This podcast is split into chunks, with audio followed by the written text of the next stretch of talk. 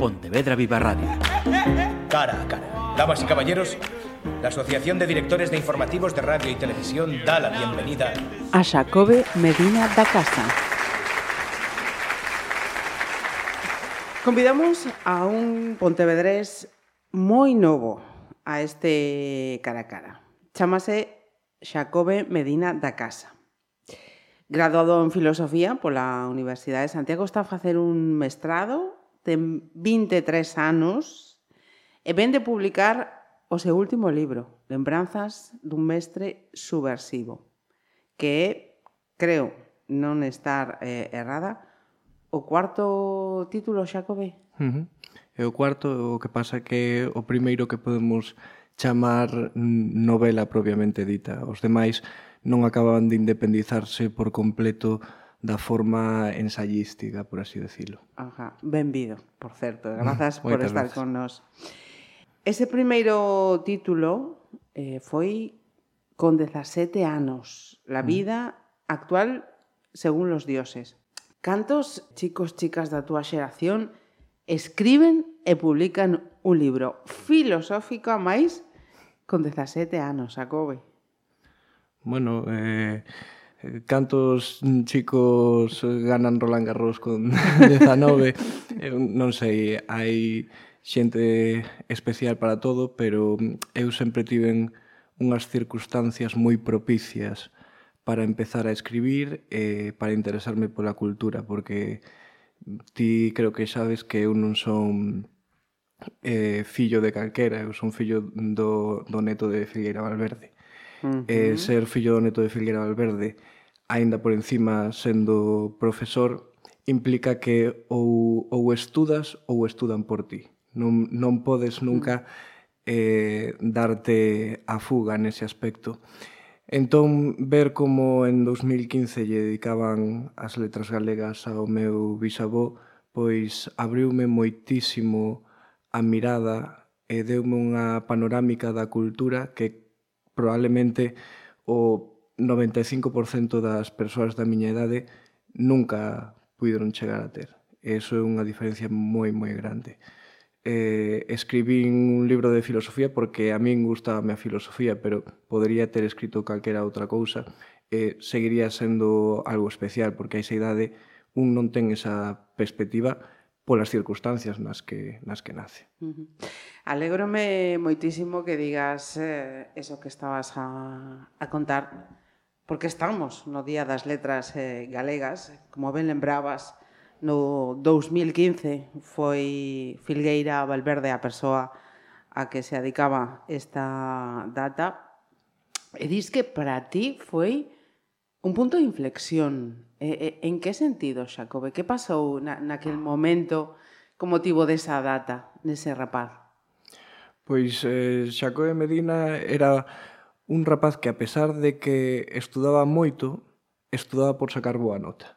E a partir do 2015 estudou para aprender, que hai unha diferencia moi grande. Xacobe Medina eh, lía os libros que lle obligaban os profesores para aumentar a calificación final e a partir do 2015 leu libros que non lle mandaban os profesores e que en moitas ocasións viñeron por recomendacións das persoas que eu escoitei no 2015. Alonso Montero, no 2015, dixo a min poderíame, poderíadesme deixar no deserto sen auga e sen comida, que se me deixades os dous primeiros adrares de Filgueira Valverde, eu podería sobrevivir varios días simplemente con eso. E eu naquel momento dime conta da importancia do que fixera o meu bisavó. Ata ese momento era como unha figura idealizada, non eras consciente da relevancia do que el fixera.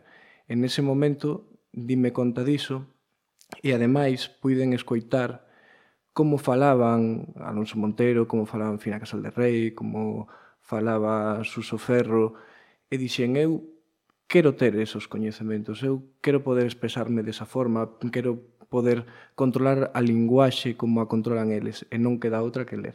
Non queda outra que ler. Non vexo outra posibilidade. Xacobe. Con, Con 15, anos, sí, pero bueno, podería podría ter sido antes incluso. Eu teño compañeiros que dende os 10 anos interesanse por ensaios pseudofilosóficos ou que teñen un interese tremendo en algunha disciplina concreta, pois o que sei, eu tiña un, un auténtico xenio da informática en bacharelato, entón eu que sei, eh, o que digo, as circunstancias marcan moito uh -huh. a vida de, de cada quen. Fíjate, eh, chamame a atención unha cousa, eh, ese, ese cambio que sucede en ti con motivo das letras galegas nese 2015 adicado a Filgueira, Decías tamén o, o comenzo, hai unha circunstancia eh, e, eh, que son bisneto de, de Filgueira. Ata ese momento, eh, na túa familia, na, na túa casa, co, como chegas a, a figura Filgueira Valverde ata ese momento? Era un ideal? Estaba afastado? Es que chamame a atención ese clic que fa que faz no, no 2015. Era algo que estaba na memoria de todos, pero parecía unha memoria mítica. Mm, a min dende pequeno dixeronme ti eres bisneto dunha persoa que fixo moitas cousas e que, entre outras, pois foi alcalde de Pontevedra. Pero no 2015 daste de conta de que falar de Filgueira non era só falar de filoloxía ou falar de política. Falar de Filgueira era falar de musicoloxía, era falar de museoloxía, era falar de historia, era falar de etnografía. É probablemente a persoa máis interdisciplinar da historia da cultura galega. E ademais de ser interdisciplinar, era moi riguroso no que escribía. É moi difícil adicarse a tantos aspectos diferentes da cultura galega co rigor co que fixo Filgueira. Polo xeral, un e máis hoxendía, é experto nun ámbito concreto. Filgueira daballa todo. Sí, be, eh, aí discrepo un pouco, porque hoxe en día hai moito cuñao bueno, que sabe de todo, pero non ten nada que ver do, do que estamos a falar neste, neste momento. Eh, voltando a Xacobe, ese primeiro libro que decíamos, logo eh, chegou con 18 o Adral de filosofía, non? Supoño que unha homenaxe tamén uh -huh. co, co uso de, de adral a, a Filgueira. Uh -huh. E logo nos seguintes, memorias dun profesor e lembranzas dun mestre eh, subversivo. Está constantemente presente, non? Non, polo que digo, ninguén pode evitar as súas circunstancias. Eu nacín nunha circunstancia na que prácticamente toda a xente que me rodeaba era, era profesor. E ademais diso, pois eu tiven que vivir mm, 18 anos sendo amaestrado por, por profesores. Uh -huh. Entón, eh, Memorias dun profesor, por poñer un título, sí. naceu desa forma. Tendo esa perspectiva do que era rematar o bacharelato e pensando como ve o profesor ao alumno que avanza, pois, dende poñamos primeiro da ESO a segundo de bacharelato e como é a perspectiva do alumno. Entón, pois, estableceuse unha dialéctica entre esas dúas perspectivas que son moi diferentes, pero ao mesmo tempo moi parecidas. E, a través desa dialéctica, pois, pode verse como pouco a pouco o alumno vai superando ao maestro. Pero claro, non, non é sinxelo, porque hoxe en día mm, calquera maestro preferiría que o alumno, polo menos ata rematar, non o superase. Uh -huh. eh, citabas antes a Alonso Montero, uh -huh. que, que creo que tamén é fonte de inspiración neste último libro Lembranzas dun mestre subversivo. Sí, eu aínda recordo cando fai 4 anos fun escoitar o discurso de Don Xesús pola homenaxe aos seus 90 anos. Ahora ten 94. Eh, lembrome de que o maior comunista de, de Galicia, casi da historia de Galicia, porque foi fundador do Partido Comunista, mm, chegou ali ante o público e sen cortarse un pelo dixo que a pesar do seu percorrido vital, el non podía ser considerado comunista. A explicación que deu eh, gustoume moito porque foi moi sinxela e dixo que un comunista é unha persoa cunha condición moral superior, que un comunista é unha persoa que se preocupa tanto polo ben común como polo ben propio. Claro, despois de tal declaración, a pregunta que ven a mente é, é a seguinte, entón, quen narices na historia da humanidade pode ser considerado comunista? Uh -huh. Eu, sen intención de contradicir a don Xesús, non penso que un comunista sexa unha persoa que se preocupa tanto polo ben común como polo ben propio, pero sí que penso que un comunista é unha persoa que actúa como se preocupárase tanto polo ben común como polo ben propio. Claro, estamos falando dun comunista nuns términos utópicos ou nuns términos mm, marxistas. Evidentemente, a historia da humanidade ten demostrado que o comunismo, como tamén o cristianismo, acabou converténdose nunha ideoloxía autoritaria, que eso uh -huh. creo que non ten que ver nada co comunismo nos termos que os plantexa xente como Alonso Montero ou como Pepe Mújica, por exemplo. Ten 23 anos, eh? Presentabas aí unas eh, semanas este último título, eh, Xacobe, uh -huh. moi ben acompañado, hai que dicilo tamén. E tanto. Neste caso, eh, xa tes unha, unha editorial detrás, ¿no? Antes eh, autoeditabas. Uh -huh. Mm, que supón? ese, ese cambio para ti de ter unha editorial detrás? É fundamental, o sea, a, a diferencia é increíble. Non teño palabras para agradecer a, a Xerais o traballo que fixo co libro e a confianza que depositou no que ti dis, un rapaz de 22 anos, naquele momento pois 21, que no ámbito literario é completamente descoñecido. Entón, eh, só podo iso, darlle as grazas, aínda que sempre me quede corto, e eh, tamén pois sentirme moi afortunado porque agora xa non traballo só, agora traballo cun corrector, traballo cun editor, editor traballo cun alguén que diseña a portada. É certo que, bueno, Memorias dun profesor xa estaba editada por, por unha editorial eh, que non era edición edición persoal, pero eles non teñen non teñen correctores, era unha edición moito máis humilde nese aspecto. Entón que se publique Xerais con 23 anos, sendo a editorial máis importante de Galicia nestes momentos, pois é un orgullo tremendo. Uh -huh. eh, por que recomendaría Xacobe a lectura de Lembranzas dun mestre subversivo? Uh -huh. Bueno, eu creo que Lembranzas dun mestre subversivo conta eh, diversas historias de resistencia, eh, de subversión, historias inconformistas, que relatan dende o presente un tempo que marcou a ferro a moitas persoas foran da ideoloxía que foran.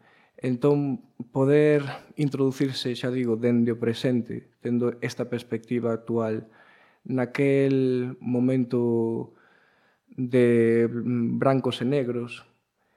Creo que pode ser interesante para a xente que ten mm, interese na historia e creo que dende o punto de vista narrativo literario pois non está de todo mal escrito. Ainda que podría estar bastante mellor porque claro, con, con 22 anos pois non se pode ser un, un Cervantes, pero bueno. Tempo, tempo, tranquilo, tranquilo. Mira, quería falar tamén co Xacobe Músico. Uh -huh. Porque tamén eh, comezabas a idade temperá. Teño lido que con 14 xa eras eh, titular da Orquestra Sinfónica de Nenos de Galicia. Uh -huh. Eh, o da música, eh, como foi? Foi cosa túa? Alguén na familia introduxo a Xacobe? Eh, da música veu principalmente porque a min dábaseme ben cantar dende pequeno. Eh, non é de todo común, aínda que hai moitas persoas que sí, que, que entonan pois con 4 ou 5 anos e que polo tanto poidan ter esa capacidade musical que lles leve a estudar logo, logo música. No meu caso, pois, como entonaba e como desfrutaba moito da música, pois os meus pais meteronme en clases de música e xa o ano seguinte pois fixen as probas para mm. ir ao conservatorio. Ajá. Claro, con oito anos un é consciente do que está a elixir, de se lle gusta máis eh, o piano que a pandeireta, pois non, pero sempre sempre se trata de, bueno, de embarcarse nunha aventura e logo tratar de, de gozar desa aventura. Uh -huh. Eu, pois, escollín violín principalmente porque tiña unha compañeira xa en violín, unha compañeira do, do colexio, e entón empezamos os dous, presentámonos as, as probas do conservatorio con total inocencia porque non tiñamos presión de se entrar ou non, non nos preocupábamos naquel momento daquilo e de casualidade pois pois entramos. Uh -huh. E esa casualidade pois marcou 10 anos da miña vida porque uh -huh. ao final fixen os 4 anos de elemental e os, os 6 de profesional. Ajá. Uh -huh. E logo tratas de seguir, pero bueno, hubo aí algún inconvinte Sí, eh, bueno, eu xa dende que rematei o profesional eh, pensei que o violín mm, se rematara no aspecto eh, profesional para mí. O sea, eu decidín que non quería continuar co violín, principalmente porque xa tocara en moitas orquestas. Ti mencionaches a Orquesta de Niños Sinfónica de Galicia, e daba a sensación de que era unha disciplina demasiado castrense, unha das primeiras mm, frases que se di sempre ao chegar a unha orquesta é ti tes que facer o que fai o violín primeiro, ti tes que facer o, o que fai o concertino, oh. aínda que estexa mal. E claro, eu que xa empezaba a ler filosofía e que tiña unha mente un tanto rebelde porque a filosofía é subversiva en sí. O pensamento, a crítica é, é subversivo de por sí. A min nese momento aquilo non me convencía. Entón decidín deixar o violín e propúxenme como unha segunda vía estudar musicoloxía pero tiven, como ti comentas, problemas administrativos, porque na USC non, non te deixan estudar dúas carreiras a vez se non tes aprobado o primeiro curso dunha delas, entón non poden estudar musicoloxía. Queda aí en stand-by ou... Eu creo que eh, o estudo da música mm, de carácter académico mm, non vai ser algo ao que me dedique, uh -huh. pero sí que o Xacobe Músico vai estar aí sempre. Probablemente, aínda que Xacobe se dedique á filosofía, ou se dedique á literatura, ou se dedique á historia, eh, sempre vai ser un músico historiador, un músico filósofo, un músico literato. Uh -huh. Porque cantos instrumentos tocas? Eu toco o violín, a viola, bueno, fixen violín e viola Ajá, sí, en, sí. en profesional, acabei eh, o grau, eh, toco algo piano e toco a guitarra. Eh, falando tamén do Xacobe músico, eh, se mirades a fotografía xa hai moitas pistas. Eh, que hai contigo os Beatles? para adicarlles creo, o teu proxecto de fin de mestrado. Sí, eh, eu descubrín aos Beatles con seis anos. Sonaba Help nun anuncio da televisión e aquel son parecíame celestial. Así que eh, chamei a miña nai e preguntei se coñecía aquela canción.